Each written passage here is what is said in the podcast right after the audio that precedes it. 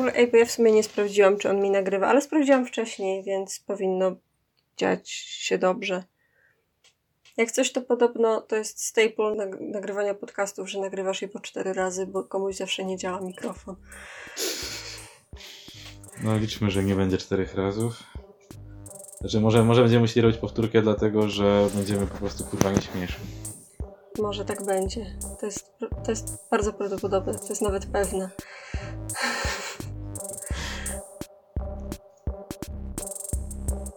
No to chcieliśmy. Dzień dobry, dzień dobry. Szanowni Państwo i Witamy drodzy towarzysze, witamy serdecznie e, w naszym podcaście, którego tytułu jeszcze nie znamy, ale jak go wrzucimy, to może już wymyślimy i wtedy zrobimy rewizjonizm historyczny i zrobimy jakiś tytuł. Na Będziemy pewno... udawać, że zawsze tutaj był. Tak. Nigdy, jeśli komuś powiecie, że go nie było, to cię zapierdolimy. E, was. Tak. E, więc dzisiaj chcieliśmy mówić o rzeczach, które nie są zbyt śmieszne, ale chcemy się dobrze bawić, mówiąc o nich. Czy ty, Krzysiu, chcesz się dobrze bawić, mówiąc o kapitalizmie?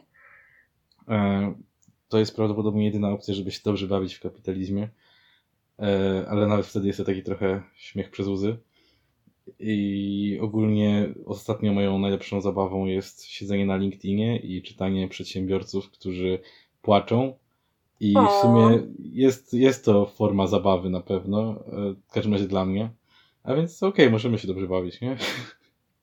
Tak, zawsze śmianie się z neoliberałów jest zajebistą zabawą i ja jestem wielką fanką tego. No, ja chciałabym też dzisiaj pomówić o wirusie, ponieważ myślę, że w obecnych czasach apokaliptycznych robienie materiałów audiowizualnych na temat czegokolwiek oprócz wirusa, to się mija w ogóle z celem, bo nikt nie chce tego słuchać. I jak coś jest o wirusie, to, to się klika bardziej. I więc zrobimy to. Ja będę tutaj stroną kapitalistyczną tego podcastu. Dbała, żeby się klikało. E, więc chciałabym dzisiaj wygłosić pew, pew, pewnego ranta na temat wirusa i tutaj chciałabym od razu zrobić preview, że, że jestem przeciwna wirusowi. Nie jestem jego fanką. No, w sumie jest duża grupa ludzi, którzy e, pod, pod, pod maską nieraz nawet lewicowo-ekologicznych poglądów powie, że jest za wirusem, bo e, to, to ludzie tutaj są problemem i trzeba się ich popozbywać. To swoją drogą, ale są też Dobra, to może zrobimy taki, taki zrobię taki, taki, taki disclaimer, że ja uważam generalnie, że jak ludzie duszą się i umierają, to, to nie jest dobre. Być może, być może są tacy, którzy będą nas, nas nasz podcast krytykować za, za to stanowisko, ale jebiemy ich. Ja uważam, że to nie jest dobre, jak ludzie umierają. I uważam, że lepiej by było, jakby umierali później. E, takie jest Albo moje wcale? zdanie. Wcale to, to bym jeszcze mogła polemizować, ale później na pewno. Na przykład tak sobie myślę o mojej babci, nie? Że ja wiem, że ona pewnie jakoś umrze, no tak na latach, ale lepiej, żeby nie teraz, nie? Wolę, żeby nie teraz. I no też tak. nie byłabym wielką fanką tego, gdyby teraz umarła. E, więc jestem generalnie przeciwna wirusowi.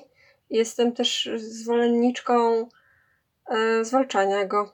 I uważam, że to fajnie, że ludzie go zwalczają. I fajnie by było, jakby było mniej chorych w ogóle na świecie osób. E, dziękujemy Państwu. Do widzenia.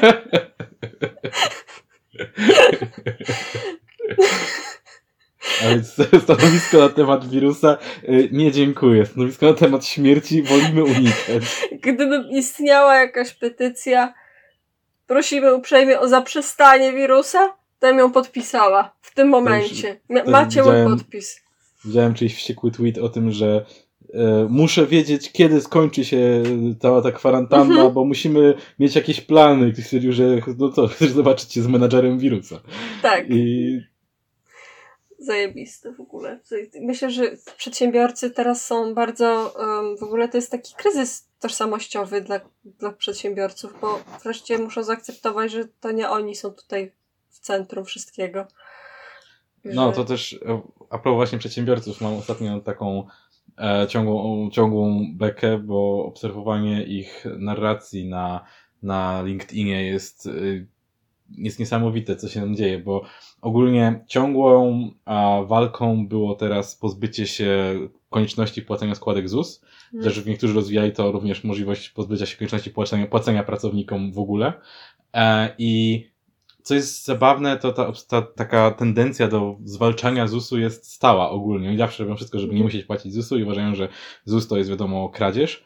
Eee, I e, to jest dla mnie zabawne, to to, że ZUS teoretycznie powinien służyć właśnie obronie ludzi w sytuacjach kryzysowych. Tymczasem oni teraz e, jednocześnie kontynuują swoją narrację antyzusową, uważają, że ZUS-u powinno nie być i nie chcą go płacić również teraz, e, mimo że ZUS służy zapewnieniu ludziom ochrony w takiej sytuacji, w której oni się właśnie teraz znajdują. I to jest e, dla mnie taki paradoks polskiego przedsiębiorcy, który jednocześnie chciałby zlikwidować e, instytucję dającą ci świadczenia ochronne w sytuacjach kryzysowych i oczekujący, że stanie się to w ramach zaradzenia kryzysowi, któremu, przed którym właśnie wielu ludzi taki ZUS chroni, więc jest to bardzo dziwna sytuacja. Ale pomyśl sobie, jak musisz zapłacić więcej złotych, to się mniej cieszysz, a jak możesz zapłacić mniej złotych, to się bardziej cieszysz.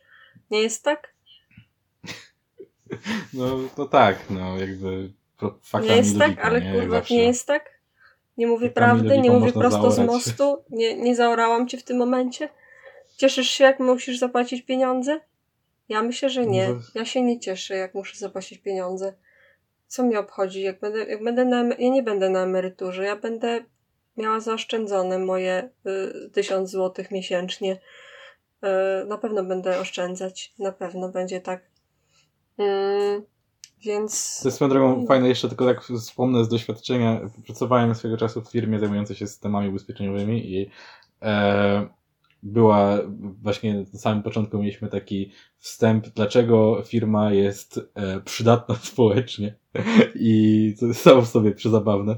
Firma informatyczna przydatna społecznie to jest jedna firma na tysiąc pewnie, ale oni uważali, że są, bo jak to nam tłumaczył e, facet, e, jesteśmy dzięki nam firmy mogą sprzedawać ubezpieczenia, a ludzie ubezpieczeni zwykle wydają więcej, a więc nasz wkład dla dobra społeczeństwa to, uwaga, zwiększenie konsumpcjonizmu. I, i to była wow. jego konkluzja. Ale drugą rzeczą, Jestem którą powiedział... ciekawa tymi tutaj łącznikami logicznymi, jak to się wydarzyło w jego głowie. Znaczy, jestem ciekaw, dlaczego w ogóle uznajemy, że dojście do wniosku, że zwiększenie konsumpcjonizmu jest dobre, ale e, to jest dla mnie największy problem. Ale co, co mnie rozbawiło, to jeszcze druga rzecz, którą powiedział, która no, akurat pewnie była bardzo zgodna z prawdą, że ludzie nie mają oszczędności sami w sobie. Ludzie nie są gotowi, a jeżeli sytuacja stanie się naprawdę niezpieczna, na przykład gdyby musieli sami pokryć koszty swojego leczenia, prawie nikt nie jest gotowy na nagłe wydatki i that's just a fact, niezależnie od kraju, w którym to się dzieje, niezależnie od systemu. Różnica z systemami jest tylko taka, że w, niektó w niektórych krajach istnieją systemy, które człowieka, który znajduje się w nagłej potrzebie wspomogą, na przykład poprzez y, publiczne ubezpieczenie zdrowotne obowiązkowe dla każdego, a w innych krajach, na przykład w Ameryce, możesz po prostu sobie wziąć i umrzeć. I e, to jest taka trochę e, prawda, której, i to jest zupełnie naturalne zjawisko, któremu e, wolnorynkowce i neoliberały próbują regularnie się sprzeciwiać, czyli nieprawda, jakby człowiek nagle dostał ten ZUS do kieszeni, jakby nagle miał to 1500 zł w kieszeni więcej, to nagle magicznie na pewno miałby odłożone na tą nagłą sytuację. To jest taka, że nie miałby. Niezależnie od tego, w jakim systemie by funkcjonował, niezależnie od tego, ile by zarabiał, tak długo jak nie byłby milionerem, nie miałby odłożone na sytuację prawdziwego zagrożenia, nie wiem, konieczność opłacenia chemioterapii. To się po prostu nie zdarzy. I dla mnie mega zabawne jest to, że w społeczeństwie, w którym mamy bardzo duże y, rozwarstwienie, mamy mnóstwo ludzi, którzy część zarabia sobie 10 tysięcy, część zarabia sobie 2 tysiące, to ci właśnie neoliberało-wolnorynkowcy będą ci podkreślać, że gdyby ci ludzie mający 2 tysiące zarabiali nagle ten ZUS do kieszeni, mieliby 3500, nagle by magicznie mieli odłożone na właśnie na przykład leczenie się w nagłej sytuacji. A prawda jest taka, że ci, którzy mają 10 tysięcy, też nie mają odłożone na to leczenie. Więc nie wiem, dlaczego nagle ten ZUS w kieszeni miałby to magicznie zmieniać. To jest... No w ogóle fajnie, że wspomniałeś o różnych systemach zdrowotnych, bo między innymi o tym chciałabym dzisiaj porantować, e, ponieważ e, obserwuję w ogóle taki, mm, taki trend teraz w ogóle w Polsce, że wykształciły się dwa obozy Jeden jest e, koronawirusowy i szurystyczny, a drugi jest e, taki korona faszystowski. E, korona Kielce, można inaczej powiedzieć. I i ten pierwszy obóz, jakby, że nie ma w ogóle żadnego problemu, to jest normalna grypa, idę na piknik z moim, z moją, z, z moją osiemsetką ulubionych przyjaciół z Facebooka, chodźcie, idziemy Korona wszyscy... party dla bąbelków. Korona party dla naszych piesków w ogóle. E, wychodzimy wszyscy e, protestować przeciwko kwarantannie i będziemy w ogóle pluć na siebie na tej imprezie e, przez pierwsze północy, a potem będziemy na siebie srać przez drugie północy, żeby być pewnym, że na pewno wszyscy złapiemy i to jest normalna grypa. A to warto wspomnieć, że koronawirus jest właśnie nie tylko drogą kropelkową, ale przez kał i mocz też, więc to była słuszna, słuszna uwaga. Taki fakt check przy okazji. Jakbyście chcieli iść na koronawirus party, to już macie protipy, jak, jak najbardziej zyskać na, na nim. E, I to jest pierwszy obóz, to jest obóz szurystyczny, a drugi obóz to jest korona faszystowski, korona Kielce, czyli e, obóz im gorsze, im, im bardziej restrykcyjne środki, tym lepsze. I jak, jak jeśli w ogóle kwestionujesz e, kwarantannę albo jakąkolwiek część kwarantanny, która się w Polsce odbywa, to znaczy, że jesteś szurem co jest dość dziwnym podejściem według mnie, bo na przykład obserwuję, że, że, że normalnie ludzie, którzy są bardzo powiedzmy kodziarscy albo bardzo opozycyjni, bardzo nie lubią PiSu, nagle zaczęli jakby wręcz ślepo ufać temu, co im rząd mówi, bo to brzmi srogo nie wiem, mam takie, nie wiem, czy ty, ty masz też takich znajomych, ale ja miewam takich znajomych, którzy na samą sugestię, że może coś jest robione nie tak, mówią, ale to są lekarze, albo a, a to jest minister zdrowia, albo coś w tym stylu, jakby to coś, jakby to coś robiło, jakby to coś zmieniało. Więc e, mam, mam takie,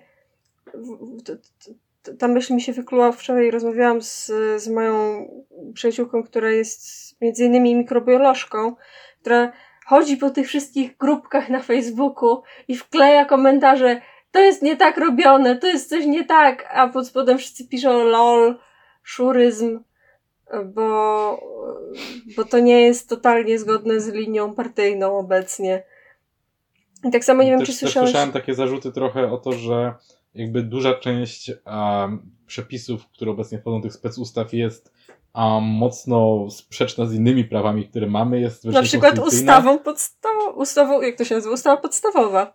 Ustawa tak, zasadnicza. No to, a i, i jakby to, to byłoby jeszcze zrozumiałe, gdyby to była sytuacja nie do przewidzenia, ale prawda jest taka, że są mechanizmy na tego typu sytuacje, które można by uskutecznić, które byłyby prawne i nie, nie tworzyłyby potem podstaw do ogromnej prawnej głównoburzy, która może się roztaczać potem jeszcze latami, gdy będziemy doszukiwać się niepoprawnych nie, nie, nie zachowań i tak dalej, oraz które są bezpieczniejsze także dla, dla obywateli, bo są przemyślane w taki sposób, by chronić twoje prawa, a jednocześnie jednocześnie chroniąc społeczeństwo, ale po prostu te wszystkie drogi prawne, które są przygotowane na sytuacje wyjątkowe, nie są aktywowane. Zamiast tego rzucone są ustawy właśnie sprzeczne z innymi e, i wygląda to tak, jakby ludzie, którzy to robią albo nie chciało im się sprawdzić, jak można to zrobić prawnie, tylko zrobili po prostu e, hura jolo, robimy wszystko, co możemy, bez dbania o właśnie, poprawny kurde, proces Ja się prawny. nawet nie zgadzam z tym, że robimy wszystko, co możemy, bo to jest właśnie, to jest problem, to są te wąty, które ja mam, że właśnie nie robimy tego, co powinniśmy robić i nie, nie robimy dość, bo e, jakby... bo jakby właśnie, kurde, no, bo właśnie, zrobiłam sobie research. Chciałabym zrobić porównanie tego, co się robi w różnych krajach, a tego, co się robi w Polsce. I tego, co mówią generalnie eksperci, co się powinno robić. I e, my idziemy zasadniczo w dobrym kierunku, ale ja bym to, biorąc pod uwagę to, co już czytałam na ten temat, na temat krajów, które są chwalone i które odniosły bardzo, bardzo duży sukces w tej, w tej epidemii dotąd, to my dopiero idziemy w dobrym kierunku, ale nie robimy tego, co moglibyśmy robić. Na przykład może te, te trzy kraje, które się wymienia, może cztery kraje, które się wymienia jako największe sukcesy, to są Chiny, które, no dobra, weź, weźmy ich, tak dzielmy ich przez pół, no bo tam Chiny sobie mogą różne rzeczy mówić, a coś tam się może nie zgadzać, ale generalnie Chiny podeszły do tego w taki sposób, że jasne, zrobili kwarantannę tego regionu, Hunanu i jasne, zrobili zakaz wychodzenia z domu, ale to nie było tak, że po prostu zrobili zakaz wychodzenia z domu, tak jak u nas. Tylko to było wyłącznie po to, że jak ktoś wychodził do sklepu, czy jak ktoś wychodził do pracy, albo wychodził gdziekolwiek, albo siedział choćby w domu, to był, mógł być pewien, że na 100% wbije mu co najmniej raz na parę dni ktoś z termometrem, albo ktoś z testem, albo ktoś, po prostu lekarz sprawdzić, elo, czy macie jakichś chorych. E, jak ktoś kaszle, to od razu zasuwali z testem albo... Też, y, też wiedziałem, że były z kolei dla właśnie tych zamkniętych rejonów e, całe ekipy ochotniczo-pracownicze, które e, odpowiednio zabezpieczone w Jasne, odpowiednich strojach tak. roznosiły żywność, czyli zmniejszały też potrzebę tego wychodzenia realnie, Dokładnie. a nie tak jak u nas, że powiesz, no ja idę, do, idę do sklepu i ktoś ci udowodni, że nie idziesz do sklepu, a tak naprawdę możesz sobie no. iść gdziekolwiek. Albo wiesz, no my mamy psa, to wychodzimy trzy razy dziennie z psem. Totalnie moglibyśmy no. się natknąć na kogoś chorego. Totalnie sami moglibyśmy być chorzy i rozsiać to. Bo nawet Chociaż wiesz... jest trochę problem, nie? Właśnie ja też tak. muszę wyłazić z psem, no i w sumie no to trzeba to zrobić, tak? No, trzeba to zrobić, ale to jest też takie, no właśnie w Chinach nie mogą. W Chinach muszą, no to kuwetę, elo. E, mm. Zrobili to bardzo poważnie i, i też te, te, te pakunki żywnościowe od razu były zapewniane, więc bardzo spoko, bardzo to w ogóle ogarnęli. Ja też, to też widziałem, zrobili to w taki sposób, że działało to na zasadzie zamówień, więc to też nie było tak, że dostajesz 10 kilo randomowego gówna i musisz to jeść, tylko jakby to było też zrobione tak jakimś poszanowaniem powiedzmy dla godności tych ludzi, którzy byli zamknięci. Jasne. To nie było to nie było krzywdzące przy okazji, to też jest bardzo ważne, nie? Bo jakby nawet jeżeli sytuacja jest ciężka, to tak długo jak to nie jest totalnie potrzebne, nie powinniśmy ograniczać ludziom jednak jakieś tam, chociaż minimum tych swobód. Nie możesz wychodzić z domu, to chociaż, nie wiem, załóżmy, nie jesz mięsa, to fajnie, rybkę. że albo właśnie nie jesz mięsa, to fajnie, że nie musisz pieprzać puszki tego, mielonki, bo tylko to dostałeś, tak? To też było na pewno spoko pod tym względem.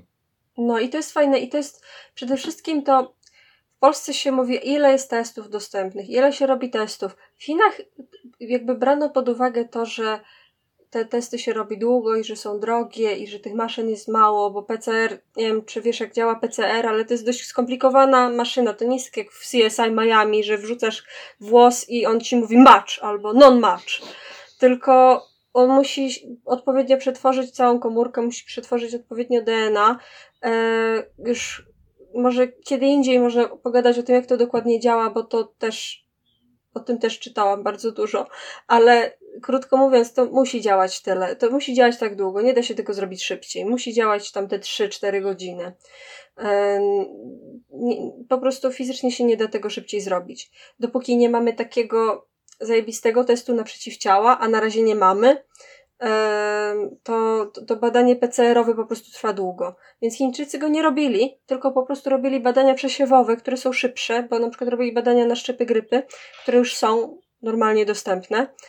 Y, robili badania, robili ludziom polową tomografię, taką szybciutką na, na miejscu i, i też robili, to jest bardzo ważne, że robili to tak, że jak tylko powiedzmy wbija, wbija ci lekarz albo spotykasz komisję, która ci bada temperaturę, bo wszędzie były takie komisje obywatelskie, e, to od razu nie pozwalają ci nigdzie iść, siadaj pan, czekasz pan na badanie i dopóki nie wrócą negatywne wyniki, ujemne, to nigdzie nie idziesz. Nie wracasz do chaty. Nawet jak szedłeś po zakupy, nawet jak szedłeś do pracy, po prostu nigdzie nie idziesz. Siadasz.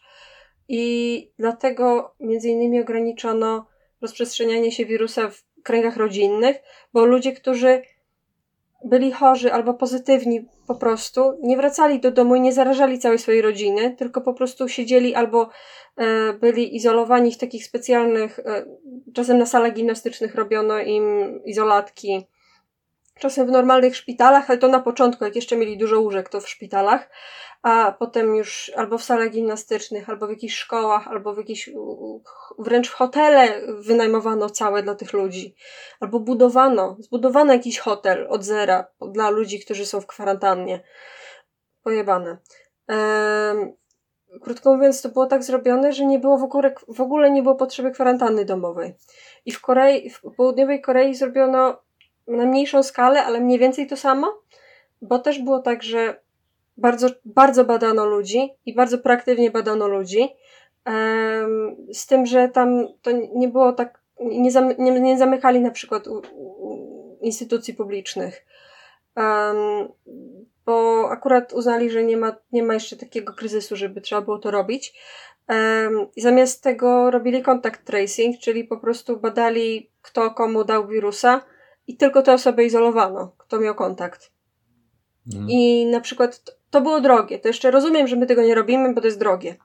Ale na przykład w e, Wietnamie zrobiono to zajebiście tanio, bo tam po prostu robiono kontra- contact tracing. To jest Wietnam, nie wiem czy to, to w ogóle, ja, ja sobie nawet tego nie, uzmysł, nie uzmysławiałam, ale Wietnam jest zajebiście blisko Una, Wuhanu. Jest mm. naprawdę z 200 kilometrów od Wuhanu. Jest zajebiście blisko.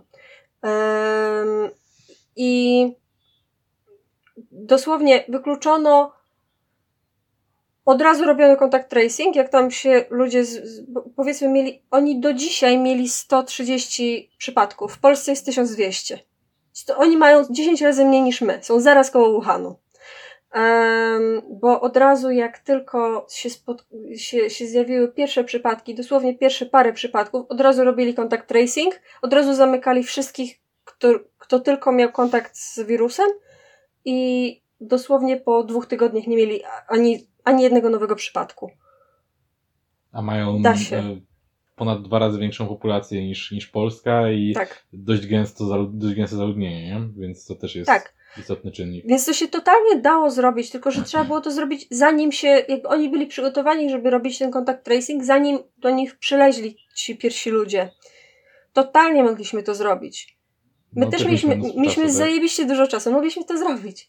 Ale nie, zamiast tego poczekaliśmy z jakiegoś powodu do momentu, w którym już były pierwsze przypadki i wtedy oh, musimy się zamknąć. No, tak, w tym momencie już trzeba było się zamknąć, to prawda. W tym momencie to, to już to kwarantanna już była rzeczywiście konieczna i w, i, i w Wietnamie też, też zamknęli, yy, też zamknęli szkoły i niektóre instytucje. Um, i, ale nie zamknęli ich na tak długo, i nie zamknęli ich przede wszystkim, e, to nie było też taka, nie stawiano na to, że o, jak najbardziej się zamknąć. Mam wrażenie, że w Polsce trochę ludzie mają takie podejście, że jajecznica jest im lepsza, tym lepsza, ile jajek rozbijesz. Jakby no, rozbicie jajek pomaga, ale coś musisz z nimi zrobić później. To, to jest trochę tak jak. To, Dobrze powiedziane. To jest, to jest, to, to, tak działa kwarantanna. Jest, że ona pomaga, i jest potrzebna, ale do czegoś trzeba ją wykorzystać. I my jej nie wykorzystujemy. I to jest strasznie frustrujące, że jak, jak to na przykład tłumaczę osobom, które niespecjalnie o tym czytają, bo jak mówię, że marnujemy zasoby na tą kwarantannę, to ludzie myślą, to co, myślisz, że chcesz zarazić swoją babcię? Nie! Nie o to mi chodzi! Chodzi mi o coś innego. Chodzi mi o to, że potrzebujemy testów i potrzebujemy ich proaktywnie i potrzebujemy kontakt tracingu, którego kurde nie robimy z jakiegoś powodu. Jest jeszcze jeden kraj, oprócz Południowej Korei, Wietnamu i Chin, który odniósł zajebisty sukces i to, jest, to są Niemcy. Tylko, że oni nic nie zrobili. Oni po prostu oni, dzisiaj nawet czytałam artykuł, z, który był wywiadem z ich, ministr, z ich ministrem zdrowia. On mówi, że nie wiemy, co zrobiliśmy w sumie, że ludzie nam po prostu nie umierają. Prawdopodobnie to jest dlatego, że u nich jest trochę wyższy, wyższy e, poziom, więcej osób jest zaszczepionych na pneumokoki, a pneumokoki to są te bakterie, które najczęściej zabijają ludzi w tych ostatnich fazach, jak już im siada układ odpornościowy w ostatnich fazach koronawirusa. Aha, Być może to jest. Coś- e, coś, poś- co jest pośrednią przyczyną śmierci, znaczy to jest bezpośrednią przyczyną śmierci, czego pośrednią przyczyną jest koronawirus, tak jakby. Tak jakby. I- ale to jest. Być może to jest tak, że u nich po prostu jeszcze nie było piku. Bo oni mniej więcej wtedy mieli szczyt wirusa, co, co u nas się zaczynał. Em, i, I oni się spodziewają, że u nich może za tydzień, za dwa przejść ta zajebiście straszna fala śmierci osób, które są na przykład najstarsze. Em, I wtedy dopiero będzie, będą mieli problem. A na razie, na razie w, y, jak na świecie jest mniej więcej 1,5% śmiertelności, tak faktycznie, biorąc pod uwagę tych, którzy się powiedzmy nie zgłosili, em, wychodzi gdzieś 1%, 1,5%, to w Niemczech jest 0,5%. Na Mhm. początku gdzieś czytałam jeszcze jakieś badania, że zastanawiali się, czy może nie ma jakiejś mutacji w tym wirusie, w obrębie tego samego wirusa, że może jest jakiś szczep łagodniejszy u nich, ale raczej tak nie jest. Raczej to jest wszędzie taki sam szczep, tylko po prostu u nich e, robiono ten kontakt tracing i bardzo szybko docierano do osób, które mogą być zakażone i bardzo proaktywnie badano ludzi. E, jakoś ostatnio gadałam z kimś, że powinni testować, powinni testować i ktoś mi powiedział, no ale przecież bardzo dużo mają tych testów. No to powinni mieć ich mało, bo powinni ich używać. E, to jest moje, to, to jest to, co mnie frustruje, że oni siedzą na tych testach z jakiegoś powodu. Mają je, trzymają je. Nie wiem dlaczego, czy oni sądzą, że, że, że to będzie, jak będzie jakaś deflacja testów, że one będą droższe, nie można je odsprzedać na czarnym rynku za rok. Nie. Czy to C? No nie wiem. W każdym razie jest tak i to jest bardzo frustrujące obecnie dla mnie. Mm, więc to był mój rant na temat koronawirusa, więc jak, y, pamiętam, że parę dni temu y, krążyły zdjęcia ministra Szumowskiego z podkrążonymi oczami spuchniętymi i no bardzo się cieszę, że pan minister ciężko pracuje, ale nie musiałby tak ciężko pracować, gdyby dosłownie dwa tygodnie wcześniej o, podniósł główkę z nad poduszki i pomyślał sobie, zróbmy przygotowanie jakiekolwiek do tego, co zaraz będzie w Polsce za tydzień. E, gdyby tak zrobił, to nie musiałby mieć podkrążonych oczek i No bo spuchniętej tak naprawdę teraz. To już ponad 4 miesiące y, od kiedy wiadomo, że coś się dzieje, bo to jeszcze, jeszcze pod koniec grudnia informacja stała się w miarę publiczna. E, więc no, tak, mieliśmy trochę ktoś, ostatnio pisał, że, że wywiad polski przekazywał rządowi informację, że na pewno do nas przyjdzie fala i powinni się przygotować jakoś w styczniu. I oni to zignorowali, bo nie wiadomo w sumie czemu. Bo uznali, że No wywiad to się nie może zna trochę na też, medycynie. ale trochę to też jest chyba taka a, już u, udziela się w pewnym momencie osobom praktykującym propaganda sukcesu, w której nie należy mówić o zbyt złym scenariuszu, bo wykraczesz, bo mówimy, że jest dobrze i prawda jest taka, że nawet jeżeli chcemy mówić, że jest dobrze, powinniśmy być gotowi na najgorsze, a to trochę się udziela potem osobom rządzącym, że jeżeli powiemy dostatecznie raz, wiele razy, że jest wszystko dobrze i nie ma się czym martwić, to sami przestają się martwić, nawet kiedy powinni się martwić. Takie mam Mhm. trochę wrażenie. Mam wrażenie, że trochę w Polsce ludzie mają takie, takie przywiązanie do tej kwarantanny i tak chcą, chcą wierzyć w te środki zaradcze, rządowe, bo, bo generalnie ja jestem, ja jestem jak pączek w maśle. Ja sobie na kwarantannę pojechałam do rodziców i mam tutaj, jestem, jestem, po prostu jestem bardziej rozpieszczona niż mój pies. E, I, i, i radzę sobie wspaniale i mam zajęcia w domku, piję sobie kakałko na lekcjach i jestem szczęśliwa, ale są tacy ludzie, którzy bardzo dużo, jestem świadoma, stracili przez to.